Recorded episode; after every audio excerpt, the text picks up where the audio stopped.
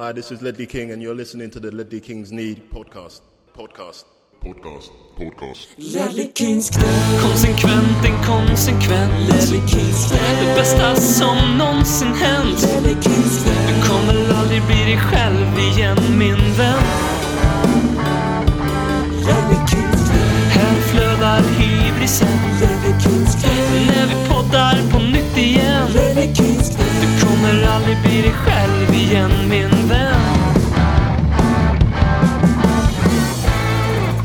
Du lyssnar på ännu ett fotbolls-Ledley, nämligen den värmländska radioteatern Ledley Kings knä. Och med mig har jag som alltid banden som delar initialer med Bengt Magnusson, nämligen Alexander BM. Hur är läget?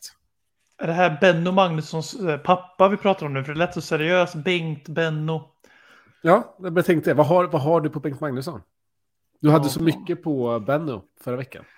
Jag reagerade framförallt på förra veckan att det var ingen som bred ut till den här falserierna vi för i podden. Eftersom att jag hittade ju på den här berättelsen på uppstuds givetvis. Jag vet inte ens Var om det så? Ben, Benno Magnusson be- levde samtidigt som Tord Grip. Fan vad besviken jag blev nu. Det hade jag ingen aning om. Ja, det, Jag, blev, jag, jag, blev, jag blev lite imponerad över att du satt på liksom, eh, Benno Magnusson-kuriosa. Ja, men, vem, gör inte det, jag höll på att säga. Man blir så här, vad heter det, kroniskt lugnare. Det finns ett ord för det, mytoman. Eh, Ja. Du vet, man blir äggad igång här nu när jag liksom ser din besvikelse i blicken. Då blir jag liksom, då vill jag ju hitta på fler lögner. Så ser jag vad jag kan komma släpandes med den här podden. Men Bengt Magnusson, det är ju en 67-årig gubbe i en valfri medelstor ort i Sverige. Liksom. Han har jobbat eh, på ganska, antingen på något liksom, kroppsarbete, och då menar jag inte sexarbete då, utan liksom arbete med kroppen och lyfter tunga saker och sådär. Eller så har han suttit liksom som mellanchef, eh, men för tidigt i historien för att uppskatta paddel och har förmodligen haft manchesterbyxor istället för chino. Jag tänkte lite mer på TV4, Bengt Magnusson. Jaha, är det han som, eh, han som har Rapport i SVT nu eller? ja, exakt, full, full koll. Eh, vi ska prata lite mer Tottenham idag. Eh, det har hänt mycket sedan vi spelade vår match igår. Eh, det har hänt en del under den här dagen. Det har varit EM-kvalslottning. Eh, det har varit eh, diverse stormatcher i, i, i Premier League. Och så har Iker Casillas och Carlos Puyol eh, visat upp vilka sanna idioter de är. Eh, man, Kan man lugnt säga. Yes. man blir ju, man eh, slutar aldrig förvånas över eh, fotbollsspelare. Alltså det är, det är fördomar som besannas. Varje gång. Varje, ja. Eh, men vi kanske ska börja lite då i Tottenham-änden på eh, de lite kanske då eh, med lite dystrare tongångar. Eh, efter att vi hade spelat in eh, förra veckans eh, avsnitt så dagen efter det så fick vi reda på att eh, Gianpiero Ventrone, eh, Tottenhams fystränare eh, som kom med, eh, med Conte-staben, eh, har gått bort, 62 år gammal, eh, efter en kort tids sjukdom eh, i, i leukemi. Eh, han gick bort i, i onsdags eh, i förra veckan.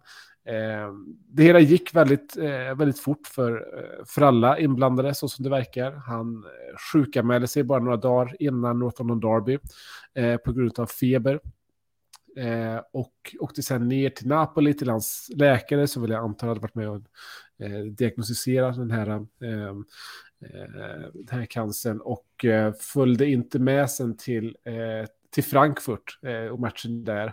Och efter den matchen på vägen hem så fick eh, Conte och, och staben information om att eh, Gianpieros tillstånd eh, hade försämrats eh, en hel del och på, på torsdag så fick eh, spelargruppen informationen om att han hade gått bort. Eh, och det var eh, kändes ju väldigt överraskande för, eh, för väldigt många eh, utifrån så som de har eh, agerat och pratat om det eh, efteråt. Eh, jag tror Conte till och med hade sagt att liksom sjukdomen var under control, eh, så jag sa. Eh, ja, I den utsträckningen som sjukdom kan vara det, eh, såklart. Eh, och det har ju även innan eh, de här tråkiga nyheterna så har det kommit ut många berättelser nu efter sommaren om eh, eh, Gianpieros eh, väldigt nära relation till, till spelartruppen och eh, många av spelarna där. Eh, kanske framförallt Son, eh, som har pratat mycket om honom. Det har dykt upp historier på, på Twitter och i media som sagt var även innan eh, den här tragiska händelsen. Eh, vi såg ju kanske inte minst då efter matchen mot Leicester när han fick sitt hattrick där, hur de stod och höll om varandra eh, väldigt hårt efter, eh, efter matchen där. Eh, Richarlison har också pratat väldigt mycket om hur, de, hur, han, eh, hur han utmanar eh, Richarlison, hur han får honom att, att, att nå liksom verkligen eh, en ny nivå på, på ett väldigt... Eh, alltså han, han har ju kallat sig här The Marine och då tror man ju att det är någon liksom stenhård snubbe som liksom eh, inte tar ett nej och som eh, behandlar dig som en soldat lite grann. Men det verkar inte alls vara den bilden man, man får när man eh, liksom, när spelarna pratar om vilken relation de, de eh, ja, då när de berättar om det förut, eh, har haft eh, med honom, utan det är snarare eh, liksom, tvärtom en väldigt, eh, väldigt varm vänskapsrelation. Jag såg Doherty eh, efter matchen här pratade om Jan bortgång och sa att eh, det var bara förra veckan, eh, bara några dagar innan han hade eh, fått sin feber, eh, att eh, hans ungar hade hämtat upp honom efter träningen. Så hade de fråg- och så hade Jan Piero varit bara några steg bakom. Så hade barnen frågat sig, men är det där din kompis pappa? Och så svarade Doherty att ja, vanligtvis hade vi bara sagt nej, eh, det där, det där är en av tränarna. Eh, men här hade han istället sagt att ja, det där är pappas kompis. Eh, och man såg ju på alla att det, hur mycket han betydde för dem. Att det var verkligen en sån relation som som alla hade.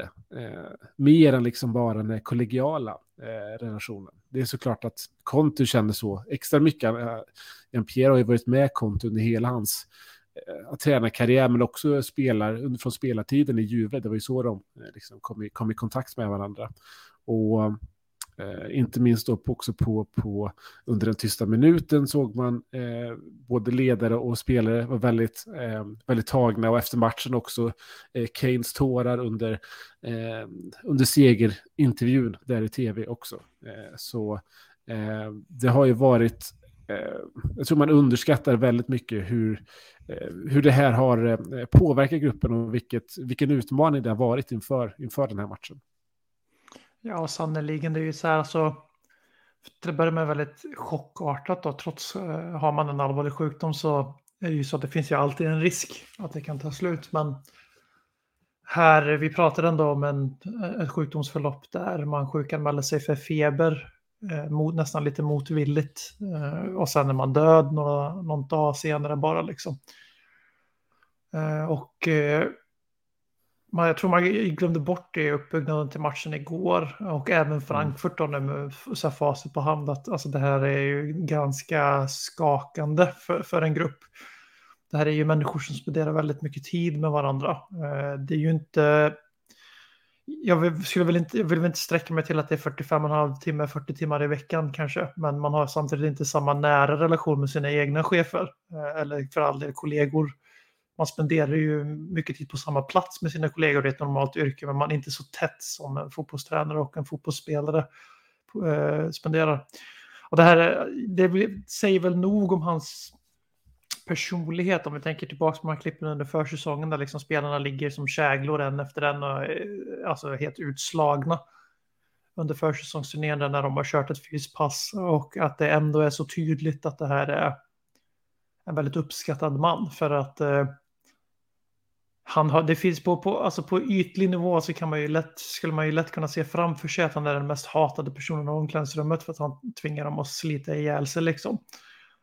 Men uppenbarligen är det ju, var det ju raka motsatsen. Det blir nästan lite så här lite höjt ännu mer det här inhoppet Son gör med sitt hattrick där när det är just eh, Jan Pero som kommer ut liksom och kramar om Son och Son, den första personen som kramar efter sitt hattrick är ju Jampero, det var för att de hade pratat eh, på morgonen där samma dag. När han visste att han skulle sitta på bänken och sådär. liksom, han bara, du, du är en jättebra spelare, du, tänk inte så mycket, oroa dig inte så mycket, utan det kommer liksom... Du kommer att lösa det här också. Och eh, med det på hand liksom så blir man får ju ändra allting man kanske hade tänkt och, eller tänkte om matchen i sig. Eh, för de här förutsättningarna är ju så långt ifrån ideala man kan komma. Kanske det är ju självklart en tillflykt många brukar idrottsmän ofta säga när de eh, har varit med om dramatiska saker utanför rinken eller utanför planen eller utanför paddelhallen, vad det nu är för någonting. att just tillflykten i sporten gör det, då kan man släppa tankarna. Men det var ju ganska tydligt att det inte stämde för vårt lag mot Brighton med tanke på Kane efter intervjun där. Och jag tror även han la upp någonting idag där han fortfarande var så här mm. synligt skakad. Kan ju varit inspelat igår, vad fan vet jag, men det är inte det som är poängen utan eh, det är jävligt tragiskt, 61 är ingen ålder. Eh, och eh, det är ju självklart någonting som man tänker ju framförallt på Conte som du var inne på där de har spenderat i hela hans tränarkarriär i stort sett tillsammans och eh, jag tror att de är väl om det var idag eller om det är imorgon när vi, när vi spelar in söndag eller om det är imorgon då måndag eh, om de skulle vara på begravning i Neapel då eh, hela ledarstaben i stort sett. Så, och det är match igen på onsdag så liksom det fotbollen har ju ingen eh, Fotbollen tar ju ingen pardon, utan man eh, skjuter bara upp matchen när en monark dör. Men eh, Tottenham förväntas spela vidare, liksom, när man i stort sett haft ett dödsfall i familjen. Så att man kan ju ha mycket åsikter om det hela. Men eh, det viktigaste här är väl att Tottenham, det viktigaste, men det var ändå fint på något sätt att det blev en sån här riktig krigarseger där man verkligen bara vann på ren jävla vilja i slutändan. Det kändes som att det var på något sätt ganska passande tribute i det lilla liksom. Ja, precis, precis. Och det, det känns ju verkligen som att Giampiero har varit närmare spelartruppen än vad till exempel Conte eh, har varit. Eh, att det verkligen är en sån här relation med Giampiero ver verkar vara som... Ja, men, som eh, hans roll i gruppen liksom. Han ska vara, ja, han ska vara axeln och gråta på liksom. Så att säga. Exakt, och det var lite den här ja, men Pochettino-relationen till spelarna. Mm. Lite grann så. Eh, och det, det märkte man också efter matchen med liksom när hela, hela laget gick eh, till, eh, till bortaklacken. Conte kom ner också, som man inte brukar göra. Eh, och, och där också med, med, med, med tröjan med Jan Pieros mm. namn på ryggen där. Eh, så, eh, men det, ja, det, om vi går till liksom det fotbolls mässiga då, det, det, det påverkar förberedelsen en hel del. De hade ju ingen träning eller någonting under, under torsdagen, så det var ju bara fredagen som fanns för att jag har någon form av förberedelse. Och det är klart att det heller inte var liksom en, en eh, liksom vanlig arbetsdag på så Nej. sätt. Eh, men det blev ju ett, ett eh, 3-5-2 eh, i den här matchen. Eh, vilket jag nog tror talar för att Conte nog ändå ville spela 3-5-2 i förra helgen mot, eh, mot Arsenal. Eh, men på grund av Bissomas skada och liknande så, eh, så gick inte det. Eh, vad, vad var dina tankar nu när vi till slut fick se vårt kära 3-5-2? Ja, att eh, man blir så här att man förstår ju det egentligen, men det blir ganska tydligt att det enda problemet vi har haft är ju inte antalet centrala mittfältare. Men eh, eh, just den här matchen så känns det väl mer att det har att göra med att eh, problematiken kvarstår har väl mer att göra med eh, Bissoma specifikt tyvärr. Eh, som i sin andra start gör exakt samma grej som han gjorde mot eh, West Ham. Att han drar på sig ett gult kort och blir jätte, jättehämmad av det. Eh, sen fick vi se Doherty eh, och sen så fick vi se den gamla hedliga mittbacksrotationen som vi kör i Tottenham. Eh, och eh, även Sessignon istället för Perisic. Så det var ändå ganska mycket rockader för att vara Antonio Conte den här säsongen. Men det såg väl eh, inte jättebra ut. Men man ska komma ihåg också att första halvlek så är vi relativt bra. Alltså i perioden upp till vårt mål så är vi ju ett bättre, bättre laget. Sen är vi inte det i andra halvlek. Utan, och där är det inte liksom, den här gången kan vi inte skylla på att vi blir övermanövrerade på, på mittfältet. Det är bara vi möter ett väldigt bra lag och det tror jag man gärna glömmer bort. Det var ju första gången de förlorade på hemmaplan sedan vi slog dem i mars. Precis. Eh, och de hade, de hade bara förlorat två, alltså, två hemmamatcher på ganska länge. Och det märks lite så här, Brighton är ett bra lag, det visste vi innan, men de är väldigt bra i år hittills. Men en sak jag slogs av, förutom 3-5-2, det är att man liksom kollar på vad vi har mött för lag på bortaplan. För våra problem har ju främst varit riktade till bortaplan. Vi har fokuserat lite på bortaspelet i Europa, men nu också i Premier League då kanske det är att vi, vi har ju inte haft det lättaste av bortascheman, utan vi har ju haft tre London-derbyn och så Brighton borta. Det är ganska tuffa matcher, så då det blir lite perspektiv på det hela. Eh, men jag tycker att eh, vi har kvar vissa problem taktiskt. För mig är det liksom det tydligaste nu när vi testar vi 352 då, som du bland annat har problematiserat om det verkligen är lösningen bara att sätta en extra central mittfältare. I vissa matcher så kommer det ju hjälpa jättemycket såklart, men problemet är ju inte riktigt. Problemet är ju inte våran defensiv. Det har det ju inte varit på hela säsongen. Eh, det här var en till sån här match och det kan kännas som att vi lever på, hänger på repen hela matchen, men vi gör ju inte det. Alltså ja, när matchen är summerad så har de nästan ett XG och vi har 0,7 eller något sånt där, men vi har också en boll i nät där som är en och en halv centimeter offside liksom, så det är hårfina marginaler och eh, jag känner mig aldrig särskilt hotad defensivt. Så det är inte där problemet ligger egentligen, utan det är att vi får inte riktigt igång ett hotande anfallsspel med bollen. Alltså vi är så väldigt beroende av att vi omställer om och de omställningarna måste vi vara kliniska och det är så är det ju omställningar. De måste ju vara jävligt kliniska för att de ska, det ska bli någonting. Det är ju inget konstigt alls. Vi saknar liksom det här hotet med bollen in, inom laget. Och i den här matchen tycker jag det var ganska tydligt, precis som sist på samma starter, att då frigör man Höjbjerg, men framförallt Bentancourt som nästan uppe, han var nästan uppe i Dejans roll i pressen liksom. Framförallt Verkligen. efter Richarlison blev utbytt så blev det jättetydligt att... eh, Och han är ju en av våra bättre pressspelare. nej, så det är. Richarlison blev utbytt, nu sa jag fel tror jag. Ja. Nej, men Bentancourt är i en av våra, ja, är en av våra bästa pressspelare. Så det är bra att frigöra honom på det sättet. Ja, vi fick ju se det liksom. Han var högt upp och pressade i den ytan där det, han gjorde ju mål så vi är från Leicester där, men Mm. vi har inte riktigt, jag vet inte vad, alltså det är så lätt att säga, nu låter vi som last word on Spurs eh, som har blivit en meme där och det är ju det här att vi, vi har ingen lockpicker.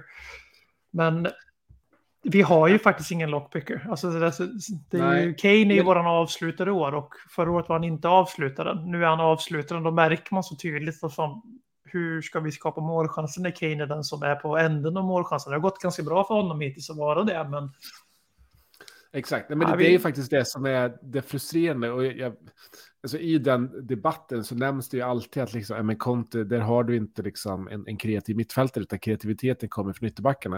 Eh, men det gör det ju inte du heller. Liksom. Det gör du inte heller från, från, för oss. Eh, men det är det som är lite frustrerande i och med att här, jag har ju alltid trott och hoppats på, eh, inte att 3-5-2 kanske ska vara våra, hu, vår huvudformation nödvändigtvis, men att det ska vara den vi roterar med. Alltså när du möter Brighton, det är ett perfekt exempel på när du ska spela 3-5-2. Eh, det är de som Reservera i mångt det mycket... Ja, men för, det är så här, spela mot Brighton på Brightons vis. De, de, när vi har mött dem och när de har varit som bäst, är när de har satt in en, en till på mitten för att liksom, eh, neutralisera vår uppspelsfas, för att trycka ut och platta, platta till eh, vår försvars och mittfältslinje. Eh, så jag tycker att spela 3-5-2 mot Brighton är ju eh, det är det, det är det jag ska göra. Men då är det så frustrerande att vi inte under transferfönstret faktiskt såg till att vi har eh, personal för att kunna rotera med den formationen. Det var, ju- jag var helt övertygad om att det skulle gå för Eriksen av den enkla anledningen. För ba, ba, bara för att ha i, i 3-5-2-rotationen helt enkelt. Det finns så frustrerande nu att se att vi börjar gravitera mot den när vi egentligen inte riktigt har spelarmaterialet för att göra det fullt ut eh, nu. Nej, Vi har ju Så- fyra, sex och en halv och liksom. Eh, All, alla centrala mittfältare vi har är ju sexor som, som har lite offensiv uppsida.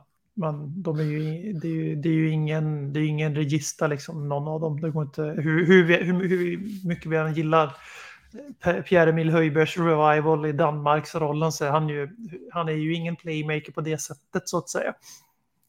Fan vad trött jag är på alla liksom höjbjerg som kommer upp efter matcherna. Ja, ja. När det är liksom... eh, Riktiga alibi-stats också. 100% Alltså, så dunder-alibi. eh, completed take-ons, eh, bla bla bla. Nej. Eh, men, men en som eh, fick sin start nu med, med Bissoma eh, i den här 3-5-2an, det var ju lite rapport, på samma sätt som Conte var ute förra veckan och pratade om Doherty, eh, så kom det också lite rapporter, inte direkta citat från Conte, men, men lite rapporter om att eh, Ehm, han har inte spelat på grund av, eh, inom citationstecken då, tactical indiscipline. Ja. Eh, och då tänkte man att ja, då kommer vi inte se honom på några månader nu. Eh, men så fick han ju den här starten igen då. Jag tycker att, här, jag tycker att han gör en klart bättre insats nu än hans förra start. Eh, och det kommer också rapporter nu om att så här, ja, men det är hårt jobb på träningarna från, eh, från Bissoma. Eh, han, han, han kämpar för sin plats. Eh, han kommer få sina chanser. Liksom. Så jag tycker ändå att det är ett, ett, ett, klart kliv framåt. Han, är, han har ju faktiskt, om, om, om Höjbjerg och Bentancourt är ganska lika så erbjuder Bissoma någonting annat. För att med honom så Mm. kan du ju frigöra både Höjbjerg och Bentancourt offensivt. Du kan ju inte riktigt kanske ge det ansvaret till en, en, en, en Höjbjerg eller en Bentancourt. Så. Eh, men jag, jag, tycker att, eh, jag tycker att vi gör det ganska bra i den här matchen. Jag tycker vi är väldigt välorganiserade. Eh, åt, åt båda hållen. Eh, jag tycker Sessignon är bra. Eh, Brightons enda chans, eller chanser kommer ju från Danny Welbeck. Och jag tänker så här, fine, låt han ha chanserna. Alltså det, det, det, det gör mig inte så orolig. Vi håller nollan borta mot, eh, mot, mot ett Brighton som fick in, eh, var det tre bollar mot, eh, mot Liverpool här för inte så Det länge får ju sedan. alla i och för sig. Men... Alla får göra tre mål på Liverpool. Förutom vi säkert. Lite förvånad dock över eh, Brightons på något sätt uteblivna pressspel. Jag tycker ändå att de var... Man, man ser på Brighton i den här matchen, Brighton är ett bra lag, men jag tycker de var förvånansvärt svaga. Jag tycker att de inte riktigt...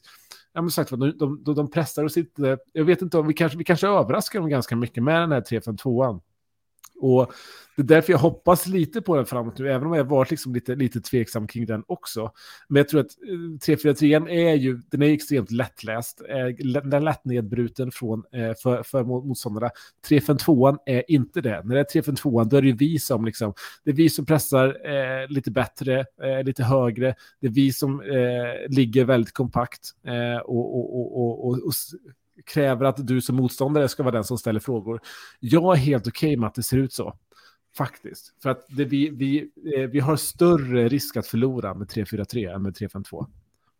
Ja, absolut. Det är, så det är ju en vansak där. Det det är ju börjar bli läge att acceptera att eh, det här är ju Antonio Contes vision av kontroll och det, det är ju under kontroll. Alltså vi har tagit 20 poäng Eh, som jag inte har slagits av tidigare, men vi har haft ett ganska tufft bortaschema. Det säger inte nödvändigtvis att West Ham, för det är väl enda laget som man kan argumentera mot här, men det, alltså vi alla vet att ett derby borta i, för Tottenham är inte lätta matcher och vi har ju de senaste åren haft förtvivlat svårt mot West Ham till och från. Och Arsenal har vi alltid pissvårt mot på Emirates. Jag har vunnit en gång sedan 2000, alltså de byggde arenan tror jag till och med i ligan.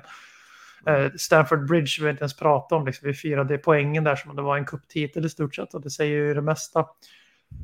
Eh, och de, här matcherna har en gemensam nämnare att Ja, vi är det andra laget på planen om man kollar på counting stats. Vi är andra laget på planen om man kollar på kanske vad vi är vana vid att kontrollera matcherna. Vi, vi kommer ju, så kan ni fylla i en ruta på bingobrickan nu, även om Per han för mig i det här avsnittet, men vi är ju väldigt mycket stöpta i Pochettino-formen, liksom att eh, det var ju den perioden vi var på vår topp och då dominerade vi matcherna, vi hade bollen och vi pressade högt som fan och skulle vinna tillbaks på den hela tiden det är inte Contes vision av kontroll, utan Conte är ju uppenbarligen väldigt okej med att vi ligger lite lägre. Vi är lite, jag tycker vi är för passiva i pressspelet fortfarande. Vi, vi bjuder in för mycket duttande framför straffområdet. Där kan det alltid smälla. Liksom. Nu var det ju som du säger Welbeck som fick de lägena och det ska vi nog vara lite glada för, för Trossard det har ju varit deras sniper. Vi vet ju alla att eh, Brighton spelar med nior som inte ska göra mål. Det ingår inte i rollbeskrivningen, så därför skulle Troy Parrott passa perfekt i, i Brighton. Till exempel. Men jag är ju inte bekväm. Jag tycker ju det är jobbigt att se för mig, för det är fortfarande så svårt för mig att skaka loss att det är vår version av, version av kontroll det här, men det är ju kontroll.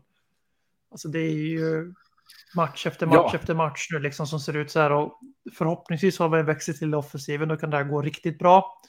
Har vi inte det så har vi ju etablerat en lägsta nivå där det börjar ta med fan se ut som att det kommer bli ett race om tredje och fjärde platsen som kommer att innehålla lag som man kanske inte riktigt har räknat med. Och eh, lag som borde vara med kanske håller på att spela bort sig själva redan liksom. Och eh, då är jag helt plötsligt ganska trygg i att vi har inspåret på den positionen i sådana fall. Och då får det väl vara väl så. Och det fattar väl vem som helst att Conte inte är helt nöjd med framförallt det offensiva. Men jag tror vi har gjort Nej, precis inte. 20 mål redan. Så vi snittar väl två, mer än två mål per match framåt och ett, ett mål per match bakåt i stort sett.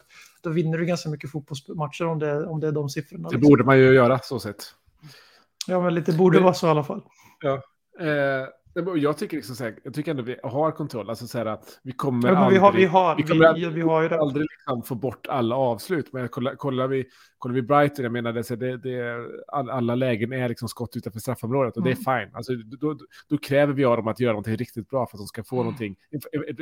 Ja, det krävs ganska mycket för att få ett mål. Om man kollar Från Brighton. sån sportdömda liksom. Det är ju inte ett, det är ju inte ett, det är inte liksom ett eh, run of the mill avsnitt om man säger så. Det är inte, det, det är inte, vem som helst gör ju inte det avslutet. Exakt, exakt. Jag menar, eh, Marsh hade väl liksom den bästa sångchansen som såg hyfsat farligt ut. Och det är liksom så här, ja, men vem vill du, alltså, jag är helt okej med att Marsh får den typen av lägen. Liksom. Eh, men jag tycker också, vi såg ju då efter den här matchen eh, nu ganska mycket från eh, håll på liksom, eh, lite olika håll på Twitter och sociala medier och liknande, inte minst Arsenal-supportrar, som återigen eh, hackar ner på, på Conteball, eh, som även du gör här, BM, eh, om det Mhm. tråkiga Tottenham. Eh, men det är ju ändå så att inför den här omgången, eh, Tottenham har gjort lika många mål som Arsenal. Eh, det är bara City som har gjort fler mål eh, än Tottenham. Det är Haaland Eh, då, som har gjort fler mål. Ja, det är Håland som har gjort fler mål. Bara Håland som har gjort fler mål än Tottenham. Det är en av de Eh. bästa följetrådarna på Twitter för övrigt, de som vill. Det finns en Preston North End-konto som eh, kör en live-tracker på vem som kommer att göra flest mål den här säsongen. Haaland eller, Bre- eh, eller Preston. Och Preston kommer ju spela 46 ligamatcher till att börja med. Just nu så leder alltså Haaland med 15-7. Och då gjorde Preston tre valjer igår. så, Nej, men så- jag, jag, jag, tror, det har ju lite också, jag tror jag, att göra med att vi eh, kanske periodiserar eh, vårt spel en del också i matcherna. Alltså att det, det, är eh, alltså kontrollerat, ib- ibland släpper vi på, på tyglarna. Liksom. Och då, då, då jävlar blir det åka av. Då, då skapar vi våra lägen. Eh, jag tror att det handlar mycket om, om, om det och sen så att vi kanske inte riktigt är där än, där vi släpper på tyglarna riktigt så mycket som vi skulle vilja. Men vi gör det ju tillräckligt mycket för att Ehm, eh, för att vinna matcher i alla fall. Alltså det här är ju Brighton borta, fjärde plats som du sa, obesegrad hemma i år. Eh, deras första hemmaförlust på, på sju månader sedan förra gången vi var där. Eh, eh, det, det, är en, det är en tung seger. Är det. Eh, det är, jag håller med om att allting inte är liksom, ser, ser jättebra ut. Eh, men så vi har vunnit 12 av de senaste 12 hemmamatcherna är det väl. Vi, våra tappade poäng har kommit mot, borta mot Chelsea, West Ham Arsenal. Vi har, Ja, förlorat. precis- Exakt, exakt. vi har förlorat två av våra senaste 23 matcher, tror jag det är. Eh, det är... Eh, det är klart att det, det här kan gå åt vilket håll som helst. Är det att vi liksom överpresterar rent poängmässigt och vi, och för att, och, och vi samtidigt lirar dåligt? Eller är det så att vi har någon form av liksom lägsta nivå? Eller en safe nivå här? Och jag tror ju till 75 procent tror jag på det senare. Ja, det, har, det finns ju eh, sidor, sidor som, som för, för de statistiken, men jag har faktiskt inte kollat det. Men man kan ju bara prata om känslan här eftersom att vi inte har siffrorna. Men det här är ju, om man tänker tillbaka till Mourinho, hur vi satt och liksom rationaliserade fram den anställningen med att Livi försökte ta en genväg och att eh, han väljer att lägga skulden på Pochettino. Att liksom det var Pochettino som var problemet för att ta sista steget eh, samma trupp med Mourinho vinner någonting. Det var ju en sällsynt dålig spaning och det visste vi alla egentligen. Men där fick man ju ändå säga och, och för att ha kvar sin mentala hälsa tills det, var oumbör- tills det inte gick längre. Det var ju liksom att nu har vi Mourinho och allting handlar om att vinna någonting. Skitsamma hur det ser ut lite. Det enda sättet du kan leva med Mourinho som din tränare är 2022.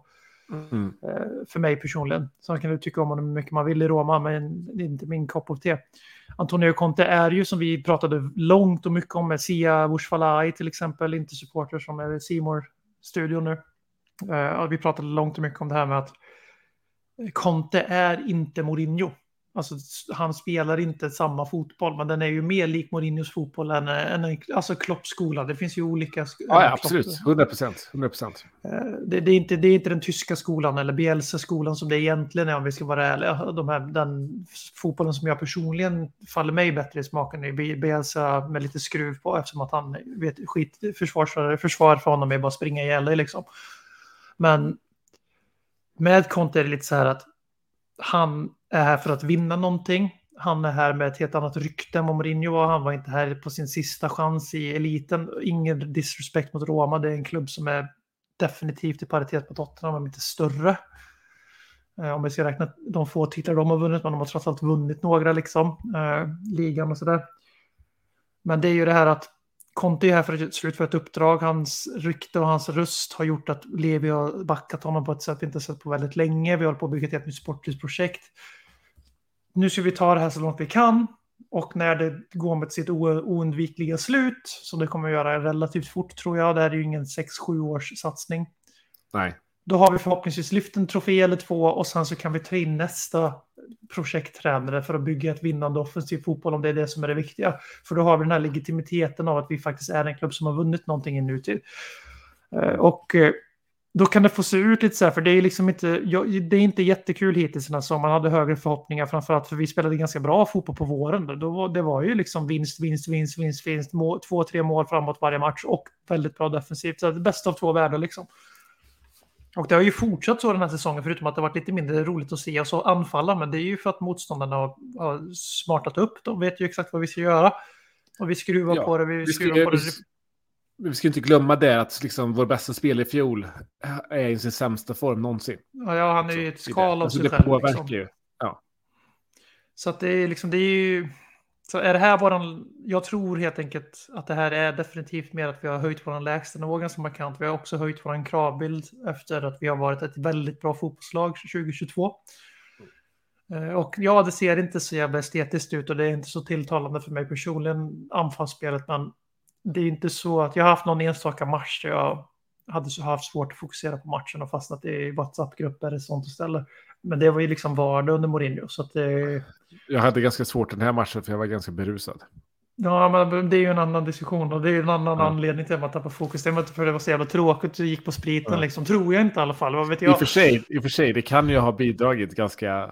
Det är därför jag låter som jag gör idag. Eh, blev ganska många enheter. Jag, eh, länge sedan jag tryckte in så många enheter på 19 minuter. Men, jag, jag tror liksom att eh, man ska ju faktiskt inte eh, negligera det faktum att vi har eh, liksom en sån helt ur form. Jag menar att kolla, kolla Liverpool nu, vad som händer med dem när de har sina bästa spelare ur form. Liksom. Eh, och det, det kan du bara förmodligen komma ur genom att liksom, eh, bara fortsätta tugga på. Eh, och sen så kan det, ehm, nu har vi ju flera, vi kan vi bänka som också om vi, om vi skulle, skulle behöva det. Det kan vi inte just nu då, i och med att um, Dejan, eh, Dejan är borta. Eh, men jag, tror- jag tror inte man ska liksom, ehm, eh, ja, Lukas också, men det, ja, det, eh, nej, nej tack, nej tack. Han blir lite förvånad när Conte tar upp han. Så här, det är stor miss för oss. Alltså, vi saknar honom jättemycket. Jag bara, nej. Absolut inte. Eh, förra veckan pratade vi lite om eh, Contes citat om, om Doherty.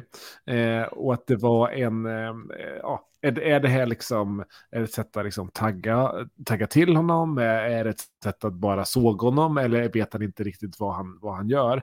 Och där och då trodde vi kanske lite att det var på att ja, faktiskt trycka ner honom eh, lite grann så. För att det kändes ju som att ja, nu, med- nu med Emerson eh, avstängd, att det blir nog en Perisic på högerbacken och det blir en Cessignon på vänsterbacken. Men, men det blev inte det, det blev en Doherty eh, från start. Eh, och då var det väl kanske då eh, alternativet kring att han försökte tända till honom helt enkelt. Eh, och det, jag tycker att Doherty gör en bra match. Man märker såklart att han inte liksom har Eh, någon så här hundraprocentig matchform än såklart, men jag tycker att han eh, positionsmässigt gör det bra, han gör det bra i defensiven och det är ju faktiskt så nu att eh, vi har ett hundraprocentigt win record när Emerson inte har startat. Så är det ju. Nej, men när man ser två saker med Matt Doherty som man ser som gör att han förmodligen är det bästa alternativet bara per automatik av de tre vi har eftersom Jed Spence verkar vara alldeles för oslipad och en sån här rå diamant liksom. Eh, Får vi hoppas. Eh, Jag tycker fortfarande det är oroväckande. De här, det är så tydligt spindoktorerande kring honom som sagt med läcks till klu- klubben läcker så tydligt att han är så, han är så upphaussad. och så där. Vi glömmer bort att det är en kille som gjort en bra säsong i Championship och var utlånad av sin, alltså han var utlånad från Middlesbrough. Han var utslådd av Neil. Warnock. Det ser, Ja, det ser liksom, alltså, det säger nog mer i Spens fördel att det var just New Warnock, men i alla fall att så här, det är Matt Doherty eller Emerson Royal. Jag personligen tycker båda två är... Alltså sätt in Doherty istället för Royal jag kommer sitta och säga samma sak. Vi har en akilleshäl, det är höger wingback, men de har liksom så tydliga profiler här. Eh, Att Matt Doherty har en naturlig offensiv instinkt. Han har två lägen ganska tidigt i matchen. Ett där han Ja, sjabblar bort det fullständigt själv. Alltså där, där hade vi hånat Emerson Royal mercilessly. Om det var bara för att vara tydlig med så här dubbelmoralen kring det här också. För att det var uselt av Doherty, alltså slutagerandet. Att hamna i den positionen är briljant och någonting som han gör naturligt. Emerson Real är tillsagd att löpa så. Han har säkert kollat på hur många timmar som helst med sådana löpningar av Hakimi och Doherty och alla andra wingbacks i världen.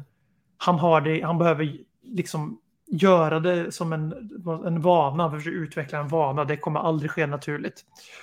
Sen har han en till sån när han kommer på andra ytan och ett inlä- inlägg från vänsterkanten från Sessignon går igenom hela boxen till nästan Doherty. Jag tror till och med Doherty kan vara på vänsterkanten då, jag kommer inte ihåg exakt. Naturlig instinkt, nära. Situationer som Royal aldrig ens hamnar i.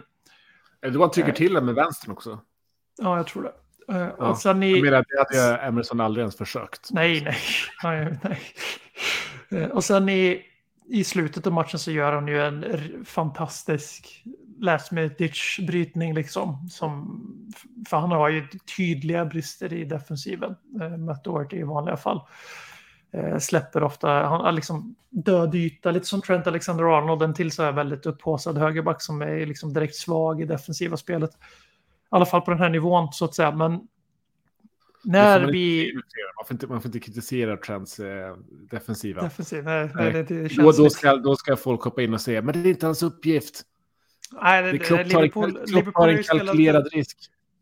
Liverpool har ju spelat med tvåbackslinje i några år och det har ju gått bra när Van Dijk var, jag på att säga dopad, men, det, men han var liksom en cyborg. Det ser lite värre ut, men vi kommer nog komma in lite på Liverpool idag. Men det är just det att Matt Doherty för mig är liksom ett ganska tydligt vägval för att han har sina styrkor i det vi saknar just nu. Alltså vi behöver ha två naturliga, orga, organiskt kompetenta wingbacks offensivt.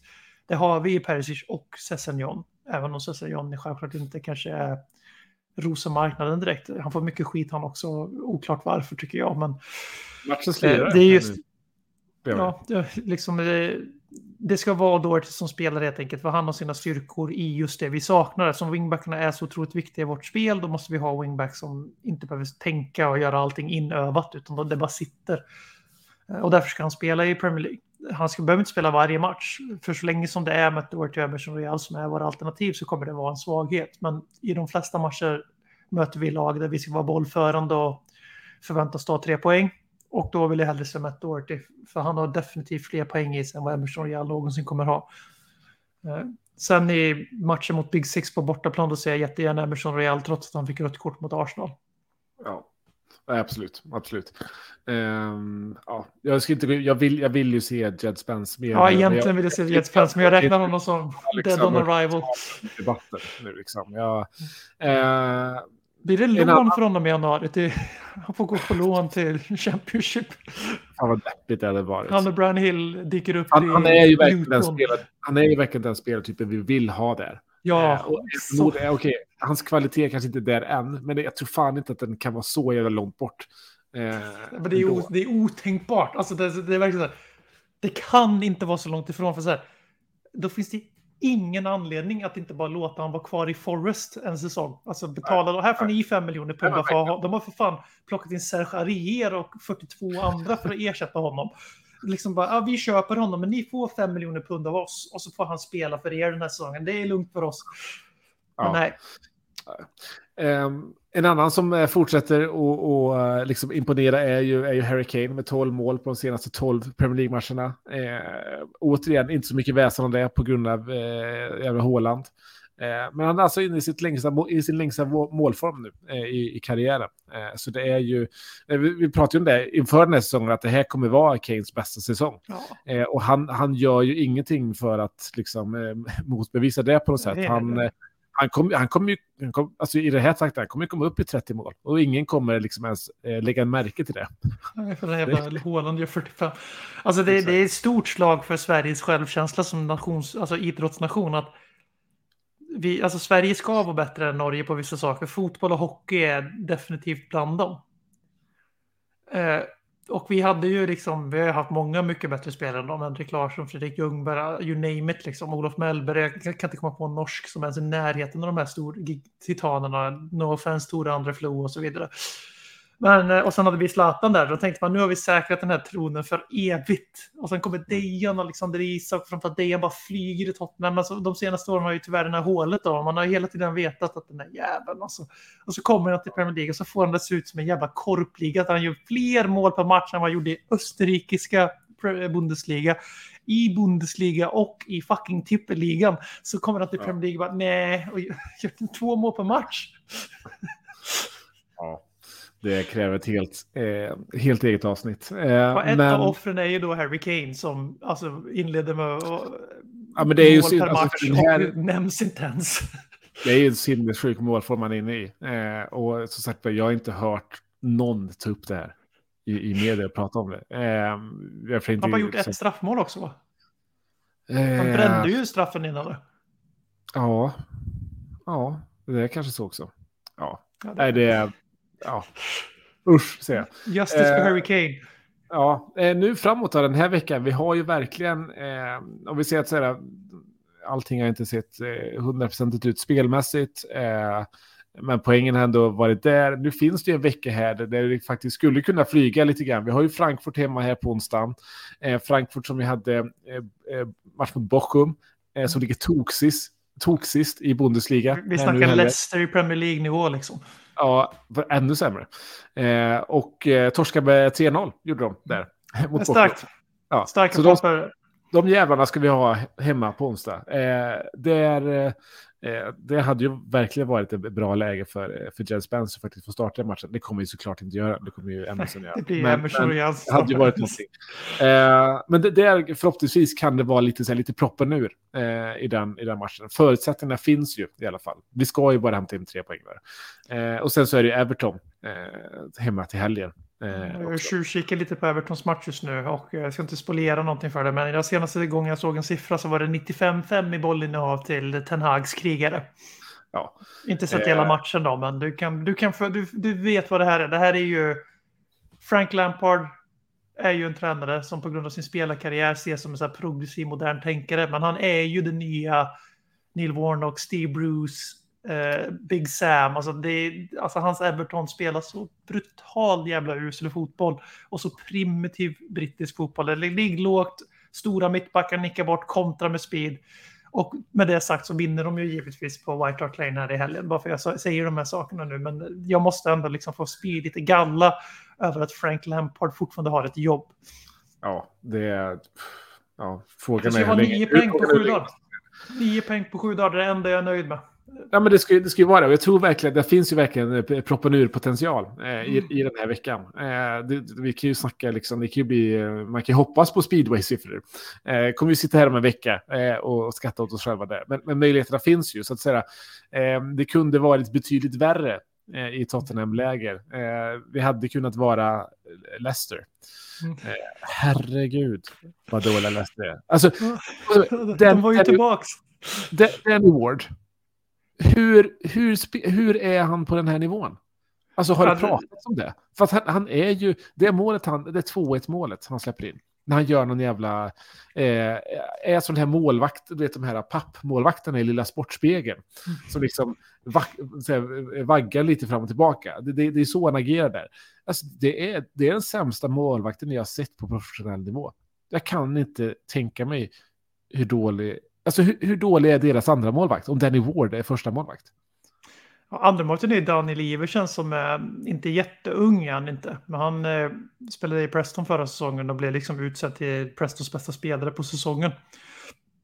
Eh, och det här är ju ett lag som, ni, som alltså gör hälften så mycket mål som Håland som bekant. Så att, eh, han var ju uppenbarligen ganska viktig för dem förra säsongen för att de inte skulle åka ur med dunder och brak där eftersom de hade ju inte målgarantin Troy Parrott då. Så att eh, han Det kan ju... har inte heller, jag på att säga. Men, eh, Nej, de har ju inte det. Och Han leder ju XK, han, leder ju, han ledde ju fram tills han tyvärr gjorde ligamål igår. Och så ledde han ju i hela jävla Europas topp 15-ligor. Att han hade gjort minst mål, alltså noll, sett till sin XG. Vilket är så här fantastisk grej att leda som anfallare, men skitsamma. Den här Iversen då i alla fall, alltså, jag har svårt att se hur du kan vara en av Championships bästa målvakter förra säsongen. Han är typ 24-25 någonstans, så det är liksom inte så här. Han är inte 16, så och, och hur han på något sätt ska kunna vara sämre än Danny Ward, eller, alltså Danny Ward, det är ju det är ofattbart. Alltså, vi, vi pratar om, jag, hade så, jag, jag slet mitt lilla, lilla hår, eller jag hade rätt mycket hår kvar och hårfästet var problemet, men så jag slet upp mitt hårfäste ännu högre upp i stress över att se Joe Hart stå i mål, för han kunde ju för fan inte slänga sig till höger liksom. Men han är ju klasser bättre än först Golini som kommer in och var ännu värre än Joe Hart. Och så ser man den här Danny Ford som på allvar är första målet i Premier League. Mm. Det, det, det för mig är det helt ofattbart. Men det, det är ju tyvärr inte det enda problemet för Leicester. Utan det är så här att de har, har ju en James Madison som typ har gjort lika mycket mål som Harry Kane den här säsongen. Ett helt dysfunktionellt pisslag. Så gör liksom en yttermittfältare slash tia gör, jag tror han är uppe på sex baljer och två assisten och sådär. Och de gör ju mycket mål. Men de skeppar ju tre bakåt per match. Mm. Eh, Och eh, de spelar ju liksom en 4-1-4-1. Det är totalt, totalt utlämnade, liksom oceaner av ytor i den här. Bentancurs press, press på NDD och mål liksom går inte att symbolisera mer än Leicesters förfall än det målet liksom. Men man ser liksom ett lag som de tror inte på sin tränare för fem öre. De har noll förtroende för sin målvakt. Alltså, och det är ju jätteförståeligt med tanke på att han släpper ju in skott. Alltså, han, släpper ju, han släpper ju för fan in ett inkast på uppvärmningen. Liksom. Det, det är på den nivån det är. Eh, och eh, om du bygger, om du bygger liksom ditt lag på de grundstenarna, att du har en spelare som gör liksom sitt livssäsong i James Madison, den landslagsmässiga engelskspelare. Liksom. Han gör sitt livssäsong. De har tagit fyra poäng på nio omgångar. De har vunnit en match och det var mot pissusla Nottingham Forest som har värvat 27 spelare och heter de sämsta lagen som någonsin har gått upp i Premier League. Liksom, på, på, alltså deras trupp som gick upp. Nu har de ju värvat massor så nu är de väl bättre än Derby och Hull och de här bottengängen som har bottenrekorden kanske på papper. Men du, du, du har hamnat i den sitsen liksom att du har den säsongen på en av dina bärande spelare. Du har namn som Harvey Barnes, eh, Patson Daka, Jamie Wardy. Alltså det, det här är ju inte, det är inte ett dåligt lag på papper egentligen. Det är ett lag som har pikat, absolut. Men du har det laget och sen har du den här målvakten och den här tränaren som ingen har något förtroende för varken eller. Och så tänker man så här bara, hur lång tid ska det ta förrän man inser att vi kan för fan åka ut? Alltså, de slog Forrest med 3-0. Jag såg den matchen. Mm. Forrest har en i stolpen två minuter före 1-0. Forrest har en, jag tror den räddas på mållinjen eller om man skjuter utanför av en DJ i början av andra halvlek så det, så det inte blir någon där. Så de har liksom marginalen på sin sida i den matchen. Den här 3-0 sluts, eller 4-0 till och med det jag kommer inte ihåg. Men det är liksom så här falsk trygghet. Man dundrar in mot Bournemouth, alltså samma lag som förlorade med 9-0 eller vad fan det var mot Liverpool, sparkar Scott Parker var- och såg ut att bli Premier Leagues sämsta lag i historien. De har ju gått som tåget efter det, men de var direkt svaga mot Leicester i första halvlek igår. Ja, Och alltså ändå jag, vinner de helt rättvist när allting är sagt och gjort. Bournemouth är ju på något sätt alltså, alltså seriens överraskning. För det var ju när de sparkade Parker där, så att de är helt dumma i huvudet. Ja, det, De det är kört. Liksom, det, det, de åker ut. Exakt. Och nu bara kollar man på tabellen. Med åtta. De ligger liksom två placeringar före Liverpool. Liksom. Vem är det som har tagit över? Eh, Parkers assisterande. Ja, jag har, nu kommer jag inte ihåg vad, vad, den, eh, vad den heter. Nu igen. Ja, men det, där har vi nästa stortränare uppenbarligen, för det är mirakel han utför. Det är mirakel han utför. Ja, men verkligen, verkligen. Eh, och, nej, så det, det hade kunnat vara värre, om man säger så. Vi hade kunnat vara Leicester, vi hade kunnat vara Liverpool. Eh, så nu verkar inse, ja, kul i den här Arsenal-matchen med, eh, Eh, han tar ut liksom, eh, Salah sätter in Fabinho, han tar ut Trent i paus. Eh, det är, mm, ja, det, det händer grejer där också. Ja, alltså vi har hamnat i en situation, vi har fört den här tången hela, det var ju därför vi tog upp Bournemouth nu, för, att, för vi förde den här följetongen i början av säsongen. Vem av Rodgers, Lampard och Gerard får sparken först? Eftersom vi liksom tycker att, nu ska vi vara jävligt tydliga här, Brendan Rodgers är ju inte en bluff. Alltså hans tid i Leicester är ganska bra, även om han vaskade två fjärdeplatser. Han gjorde ju den här choken som folk fortfarande tror att vi gjorde säsongen Leicester vann ligan. Du vet den där säsongen då vi aldrig le- ledde ligan överhuvudtaget. Det vi gjorde däremot det var ju att bottla andra platsen efter att vi gick på den här niten på Stamford Bridge och tappade chansen att vinna guld. Då lät vi Arsenal halka förbi oss. Ett Arsenal som liksom inte hade haft något att spela för på evigheter för de hade ingen chans att komma ikapp Leicester ens. Mm. Det bottlade vi. Men vi bottlade ingen jävla ligatitel, vi hade den inte. Där gjorde ju faktiskt Rodgers. De hade ju två säsonger i rad där de hade framförallt andra säsongen. där De, jag tror de låg sju poäng före Liverpool med typ fem omgångar kvar och sådär och ändå tappade. Ja. Eh, Men trots allt, två femteplatser med Leicester, ganska bra. Vinna FA-cupen med Leicester, ganska bra. Absolut, Eh, absolut. Så, han är ju inte en bluff, det är bara att han har nått sin cykels ände i, i Leicester. Det är ganska tydligt. Eh, Gerard och, och eh, Frank Lampard däremot är dunderbluffar på den här nivån. Gerard hade för bråttom från skotska Premier League till, till Premier League. Framförallt till ett väldigt ambitiöst projekt med en ganska bra trupp. Det har ju inte flugit för huvudtaget. Och ja, Everton har lyckats gneta till sig några segrar här på slutet och hoppat upp i tabellen, men det är ju en tidsfråga tills de här tre lagen slåss om att undvika nedflyttning eller på sin höjd sluta topp 14 kanske. Eh, Så vi förde ju den följetongen för att vi, vi tror starkt att det här är två bluffar och en som behöver kanske röra på sig. Men sen det börjar fan med bli dags att lägga till ett visst namn i den här diskussionen. Inte för att jag personligen kanske tycker att det vore rimligt.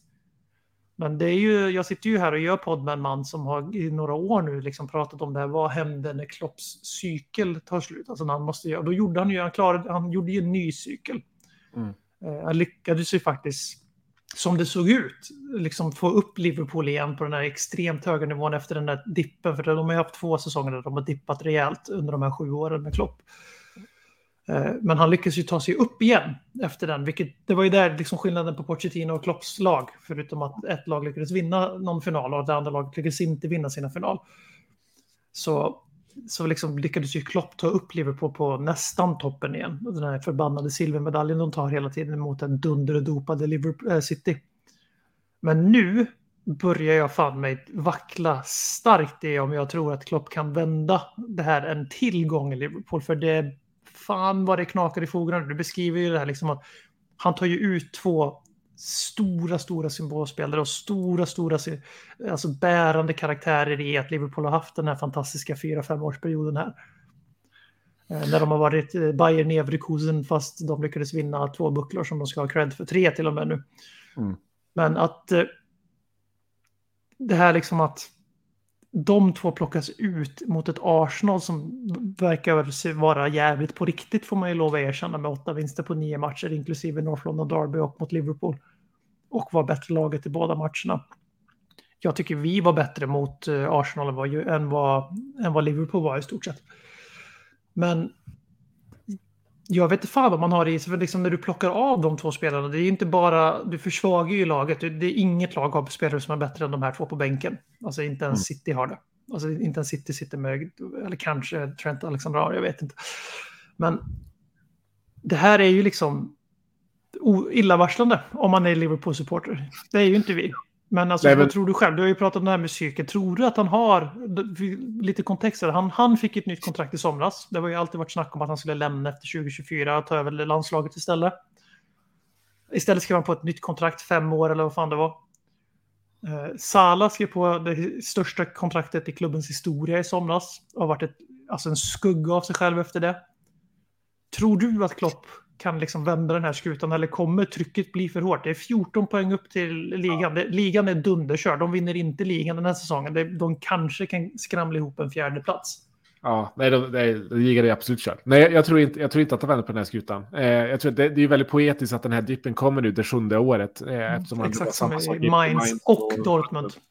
Eh, så det är poetiskt. Jag tycker att de tidigare dipparna, han har gjort det, gjorde jättebra att liksom, eh, komma ur dem. Sen tycker jag säga de dipparna var ganska mycket skaderelaterade. Framförallt den De första var ju extremt Ja, stämmer. fanns liksom, du kunde peka på det, att när vi kommer över det här hindret, då kan vi bygga liksom vidare. Eh, Det fanns fortfarande den där eh, intensiteten i, i, i spelet också. Eh, nu ser jag inte det längre. Eh, och det är också det är alldeles för många av liksom, huvudfigurerna som presterar dåligt. De huvudfigurerna, eh, i alla fall är liksom Van Dijk och framförallt Salah, är ju lite till, eh, till åren också. De, de har ju inte en längre cykel i sig. Så att säga, jag tror kanske inte så mycket att han har liksom byggt upp det på nytt tidigare, utan det är bara det att han var väldigt bra på att ha en ganska lång cykel. Sen har de Ja, ja, det, yes. förklaringar. Liksom. Eh, och sen, jag, jag, tror, jag tror inte att man kickar honom oavsett hur dåligt det går, så länge det inte går liksom helt åt helvete. Eh, Han Men fick det är ju- sparken i Dortmund va? Utan för den, här säsongen påminner jävligt mycket om hans sista i Dortmund. För de ligger ju pissdåligt till i ligan. Men visst fan fick han fortsätta. De slutade typ sju eller åtta till slut. De avslutade ganska starkt tror jag. ja, och sen så men- lämnade han väl själv. Man, han fick inte sparken officiellt jag för mig. Precis. Och det känns ju lite eh, att det dit hän det barkar även här. Sen tror jag att eh, Liverpool har en jätteutmaning att hitta en ersättare. De kommer ju inte hitta en likvärdig ersättare. Nej, det här är ju nej, faktiskt nej. om att liksom, det är ju det är ju lite grann som att ersätta liksom Wenger Ferguson. Alltså det är ju på den nivån, för du har, du har varit där så länge, eh, du har liksom byggt din kultur, du är så sammansvetsad med klubben, att du kommer inte hitta en tränare som är lika mycket Liverpool som, som Jürgen Klopp är. Eh, så nästa tränare kommer att vara väldigt tufft. Och jag kan inte riktigt peka på att ah, men det skulle vara den här. Kanske liksom en Nagelsmann. För nu är det inte helt, alltså vad får vi se vad som händer i, i, i Bayern. Eh, det, det skulle vara det. Men i övrigt så, så ser jag liksom inte någon som är så här, ja men här är någon Ja, men det, ta. det, det Och finns du- ju ingen tränare som går in och höjer dem. Det finns det ju inte Nej. på papper. Och då är det ju så här, men Jürgen Klopp oavsett hur dåligt det går, han är ju en av världens två bästa managers. Så Ja. då är det bara dumt att göra sig av med också, så att säga. Ehm, Du menar de tre nu va? Vi måste ju lägga till Mikael Arteta. Ja, det är sant. Det är sant. Eh, nej, men de, Liverpool kommer hålla kvar i kropp längre än vad de borde. Eh, sen så vet jag inte om man liksom ryker efter den här säsongen eller om man får nästa på sig också. Men, men ehm, psyk, psyken är död, eh, skulle jag vilja på. Ja, men visst är den det. För att alltså, det är så, här, i modern fotboll så, du sa det bra där, så att han hade lite längre cykel än de flesta andra. Eh, och han har ju bevisat det, för han har ändå gjort det i tre klubbar, han har varit där väldigt länge och gjort väldigt stora resultat sett till klubbens paritet. Han har ju växt med klubbens storlek, så har han ju växt med sina bedrifter, så det är ju en av de absolut största tränarna vi har haft i modern tid. Absolut. Och han- Alltså sju års cyklar, det kanske som du säger, det kanske inte var olika cyklar i de här sju, sju åren, utan att det var en sju års cykel med liksom tillfälliga dippar, precis som mänskligt att man har. Eh, och eh, han, till skillnad då, har ju som jag har sett det, han har liksom fått tillräckligt med investering för att hålla det fräscht, även om jag har märkt de senaste somrarna att Liverpool-supportrar har börjat vända sig lite mot att varför får han inte mer investering? Varför får han inte mer injektioner i truppen? Alltså för det går ju lite stilt i, det, i även i Liverpools fall, även om de plockar in en eller två stora spelare per säsong, eller bra värvningar per säsong senaste åren. Liksom. Men jag ser ju också det här, liksom, det är något som har gått sönder i Liverpool nu. Som du, mycket, som du påpekade förra gången det, det var så här. Eh, När det såg för jävligt ut. Det var ju året efter de hade vunnit ligan, det var en covid-säsong till, det var hur mycket skador som helst, som jag hade roligt åt då, för att det låter som ursäkter, men det var ju faktiskt sant. Nu finns inte riktigt de aspekterna kvar. De har inte vunnit, eh, de vann inte ligan förra året. De har, borde ju snarare vara motiverade till tänderna för de här för silvermedaljerna de har tagit, där de har tagit poäng som alla år förutom just de här åren när ligatiteln med liksom en klackspark. Mm. Det, det var ju ända fram till Liverpool och City sprang iväg ännu en nivå som våra 86 poäng när vi blev tvåa bakom Conte. Det var ju liksom en sanslöst hög siffra att bli tvåa med i Premier League. Det var typ 10, 6 poäng mer än vad Leicester vann ligan med, jag kommer inte ihåg. Eh, Och nu kan du lägga till liksom Liverpools 195, 97 eller vad fan de har tagit och de blir bara tvåa. Eh, Så att det här är ju liksom, jag vet inte, jag, så, det som Sen är olyckligt. jag att de frå, han frågar också sin lite strategi. Också. Jag, tänk, jag tänker kanske fram på liksom värvning av, av David Nunez. Att Det är Mm. lite roligt att så här, både Pep och Klopp väljer under sommaren att gå ifrån liksom, sin, sin, ja, men sin, inte filosofi kanske, men liksom sin, sin, eh, så som de brukar spela i alla fall, med liksom en Haaland och med en David Nunez. Och Pep får liksom träff på det direkt. Medan i, i Klopps är liksom eh, direkta motsatsen till det egentligen. Och Eh. eh, Nunes var dyrare än Haaland, inte i lön och sådär, men Nej, men exakt, exakt. Eh, så det gör ju också lite att så här, ja, det, det, det tar nog. Alltså det är, det, det är roligt med tanke på att det var liksom verkligen head-to-head Haaland versus Nunez inför säsongen. Det är ganska roligt att tänka så nu. Ja, och också samma. Har du sett den här dokumentären på en onämnd streamingtjänst där Haaland Nej, jag har inte sett- liksom, jag har inte The sett. Decision, det är totalt rippat av LeBron James, men skitsamma. Där är ju det är ganska tydligt att står mellan City och Real Madrid och att Liverpool var med på ett hörn och sen även eh, Bayern München var tvåa tror jag faktiskt nu när jag Mm. tänker efter. Beroende på vad de skulle göra med Lewandowski. Eh, och det var väldigt viktigt för honom att gå till en klubb där han skulle vara nia. Nu när jag tänker på det när vi pratar om det här, att Liverpool var ju på marknaden för en nia väldigt tydligt den här sommaren när, han, när Haaland faktiskt väljer att gå till Citys projekt istället. Mm, mm. Eh, där man på förhand ändå skulle kunna föreställa sig att man som spelare börjar gå till Liverpool eftersom att City då hade spelat utan nia i stort sett. Två, alltså Gabriel Jesus i all ära, han var, han var ju anfallare. Men det ser vi till och med i Arsenal nu, att han spelar ju inte liksom klassisk nia. Mm. Är ju så mycket klassiskt nia man kan vara i en modern tappning. Liksom. Han ska göra målpunkt, han ska göra poäng. Han ska, han ska liksom inte bidra i uppbyggnadsfasen i, på egen planhalva direkt. Eh, och eh, jag vet inte, det bara känns som att han sjunger på sista versen och det, det känns olyckligt för Liverpool att, att han då fick, att de skrev det här nya kontraktet för då hamnar man i ett läge där han måste säga upp sig med flera år med väldigt hög lön det, eller måste få sparken. Nu Mm. tror jag faktiskt att Jörgen Klopp på riktigt är en sån människa som skulle säga upp sig och gå miste om sina Ja. tre, fyra år. Eller jag har inte riktigt koll på hur långt kontrakt han skrev eller om han bara förlängde med ett år eller något sånt där. Jag vet inte. Men jag tror faktiskt att han på riktigt skulle göra det hellre än att, liksom, än att tvinga Liverpool att sparka honom. Mm. Och det skulle också hedra Liverpool om de inte sparkar honom för att desperat försöka rädda en fjärde plats den här säsongen ifall kråksången skulle fortsätta någon månad till och det skulle vara helt kört även det tåget. Att då sparka honom skulle nästan vara ovärdigt efter vad han faktiskt har gjort med den klubben i år. Vi pratar om en klubb som systematiskt hamnade efter Tottenham hela 2000-talet i stort sett. Inte riktigt, jag överdriver lite, men från att vi blev ett seriöst lag och blev, började bli fyra, femma, sexa så slutade vi före dem varje säsong förutom två tror jag fram till Klopps andra säsong eller tredje säsong till och med när han sprang om Pochettinos bygge där. Mm. Eh, Så att eh, han har ändå gjort en jävla resa med Liverpool. Det är, eftersom att de har en sån enorm latent storhet i sig så har ju folk glömt bort liksom att de var ju där Arsenal var fram tills i år när Klopp tog över. Mm. De var ju inte på riktigt en av de riktigt stora drakarna i England längre. Utan de, de levde ju på sin, sina historiska meriter. Nu är de ju en av världens fyra största klubbar på alla sätt. Mm, mm. Ja, exakt, exakt. Nej, eh, det är bra läge för oss att ha dem hemma nu tycker jag. Det Eh, blir det om 0-5. tre, tre, tre omgångar kvar, va? Ja, Trent det- gör tre ass, Salah gör fyra kassar. man vet att det är bara att sätta trippelbinden på... på Ja, det var bindla Salah i, i fantasy inför den matchen. Ja. Ehm, ja, ska vi säga så kanske? Nej du, jag ska, jag ska grilla dig lite först. Jag har All inte right. glömt. Spännande. Okej, jag, trodde, jag tror jag hade hoppats på att du hade glömt, men okej. Det här har jag inte. Alltså det, folket har talat och folket Ja. ska få vad de vill. Ja. Eh, Så jag... eh, Förlåt, jag måste bara... I samarbete med visitboras.se kommer Ledley Kings Knäs stora Boråsquiz. Fan, jag Eh, hoppas, så- har, vi, har vi löst samarbetet än? Det, det får vi verkligen hoppas om jag gör det här utan cash. Alltså. Det får Lin, eh, det får Lin få lösa så att vi får lite, lite pengar. Så, så, I alla fall, låt mig ta dig nu Per på en resa till Borås. Det här är ju en riktig vattendelare till stad som, eh, Ja, jag märkte. som alla märker. Jag blir ju faktiskt chockad över hur många som svarar på den här tweeten jag slängde ut efter förra podden. Jag tänkte att det kommer vara två pers, för det är väl ungefär de som bryr sig, tänkte jag, i hela Sverige. Men den här staden då i alla fall, den, jag ska ge dig några citat där på hur, hur den beskrivs som människor. Så skulle bara få den här bilden som du redan har, men ändå. Mm. Bland annat Sveriges åttonde fulaste stad, enligt någon arkitektursida jag hittade. Okej. Och ett citat från en vanlig folket.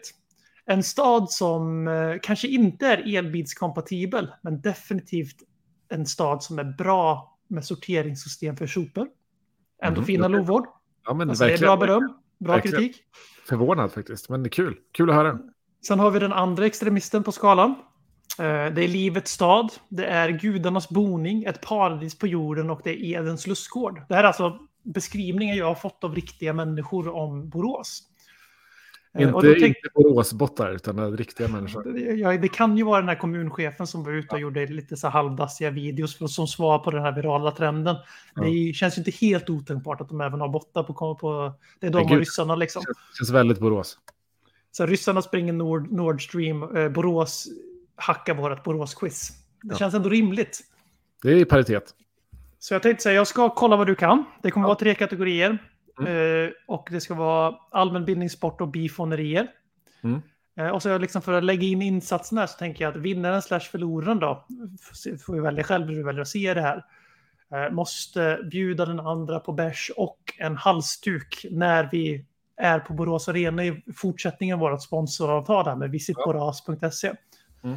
Så vågar du ta den risken här nu att eventuellt behöva... Ja, men vad är det? Okej, det, det är quiz. Hur många frågor? Det kommer gå fort. Det är Okej, kategorier. men här. jag måste veta hur många rätt ska jag ha för att vinna? Ska jag alla rätt? Folket kommer få bestämma om du...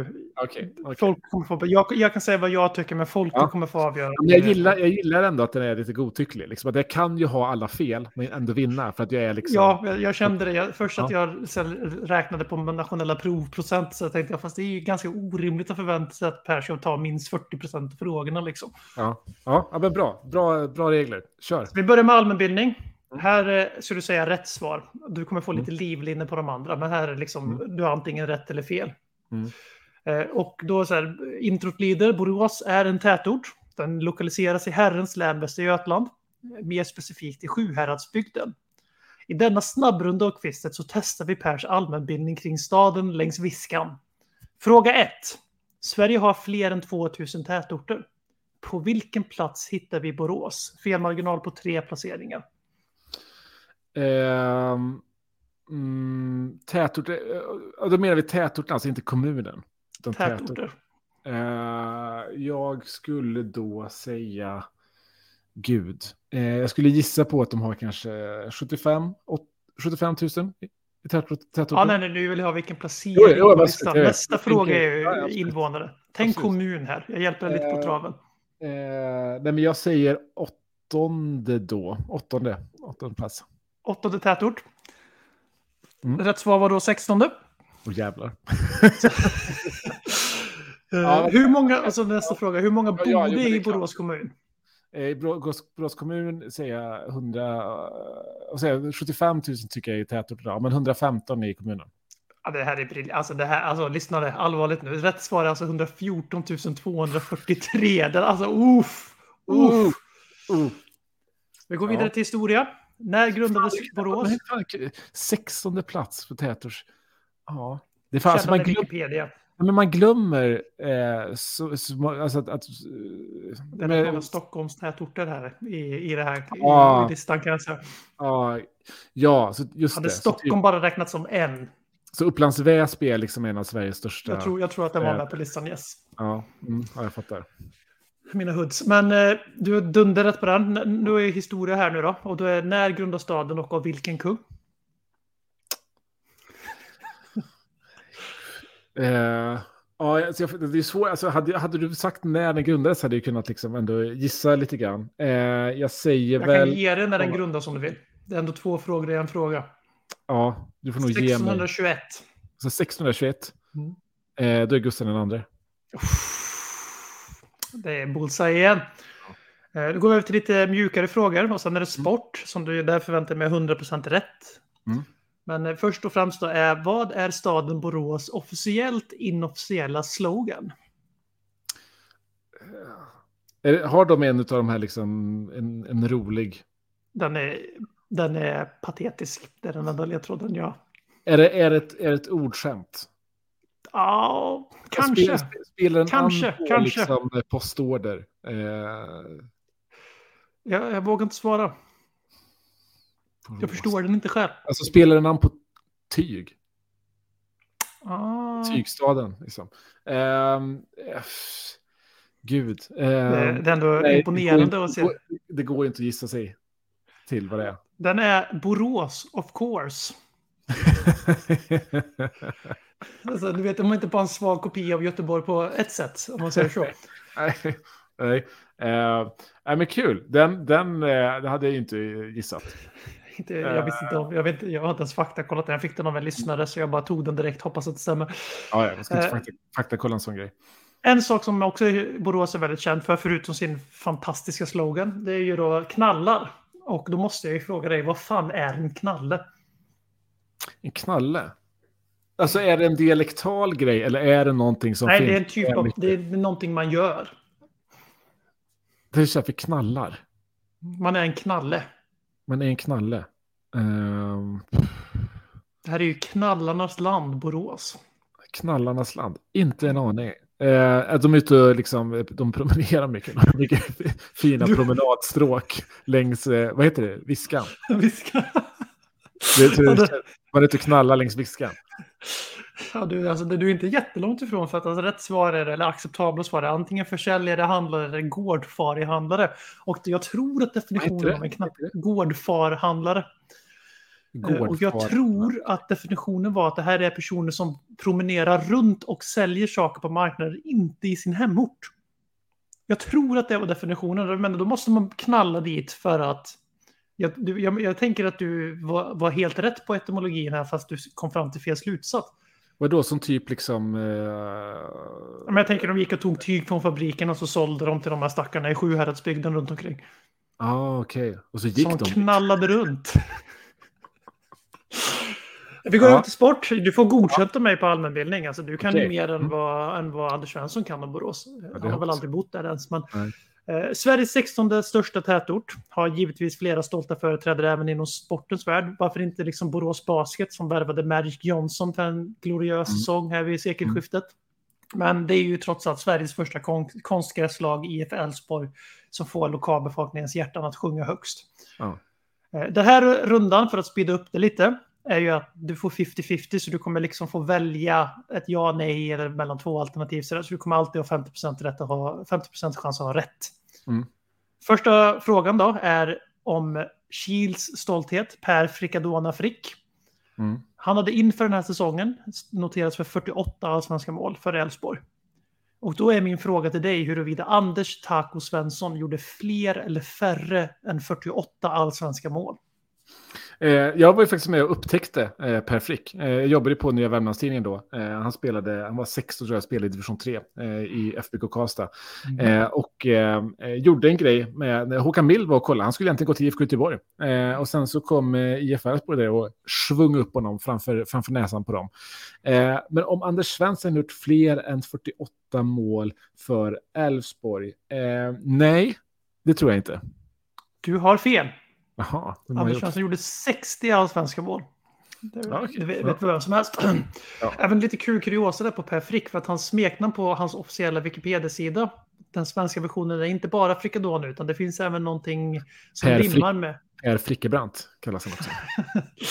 det här med någonting som rimmar med Big Frick. Som du tänker, Ah. någonting som rimmar med Frick. Och så säger man Ja. det framför efternamnet. Så så, men vi måste vara 18 minusvänliga i den här podden så jag säger det inte högt. Per Dick. Är det han kallas? Big Frick Dick, Big Dick Frick. Ja, okej, ja. Eh, Anders Svensson då, som vi var inne på, är ju givetvis en stor ikon eh, i Bohuslän. Jag är osäker på om det... Om det Ja, eh, skulle vi kalla det Bohuslän? Nej, det är Västra Götaland. Ja. I alla fall, han gjorde 370 allsvenska matcher. Där gjorde han ju 60 mål. Annars hade ju Big Frick Dick redan varit före. Och då frågade jag om han är den som gjort flest allsvenska matcher för Elfsborg. Ja eller nej? Och så om Anders Svensson har gjort flest, den som har gjort flest allsvenska matcher för Elfsborg. 370. Alltså, jag tycker att han inte borde vara det. Ehm, om, det måste ju vara någon jävel som har liksom gjort fler antal år. Eller kanske inte. För, alltså för allsvenska matcher. Yes. Ehm, Ja, alltså han har in flest, han, alltså, han, har ju flest matcher i, i svenska landslaget. Så eh, jag, jag, vill, ju- alltså, jag vill ju egentligen säga nej här, men jag säger ja för att jag, jag underskattade Anders Svensson förra Du gången. skulle sagt nej. Ehm, Du, han, eh, han är klodd av klubbens store son, den som har gjort både flest matcher och mål. Sven Jonasson, aktiv. Nej, Jag vet inte, jag vill, alltså, jag, jag vill ju verkligen säga nej av hela mitt hjärta, men jag kände verkligen där att... Fan, jag Här vacklade du lite, alltså, du var bättre på allmänbildning än sport. Ja, verkligen. Du kan Det- reda upp det- det här i sista frågan om sport för vi ska gå in på avsluten. Och det är att det är, den lyder så här. Resan mellan Borås och N17 är det få spelare som vandrat. Men det finns faktiskt en som har gjort den. Är det Jon Jönsson, den hårdföre mittbacken, eller Fredrik Berglund, den hårfagre måltjuven, som representerat fotbollens två heligaste klubbar, Tottenham och Elfsborg?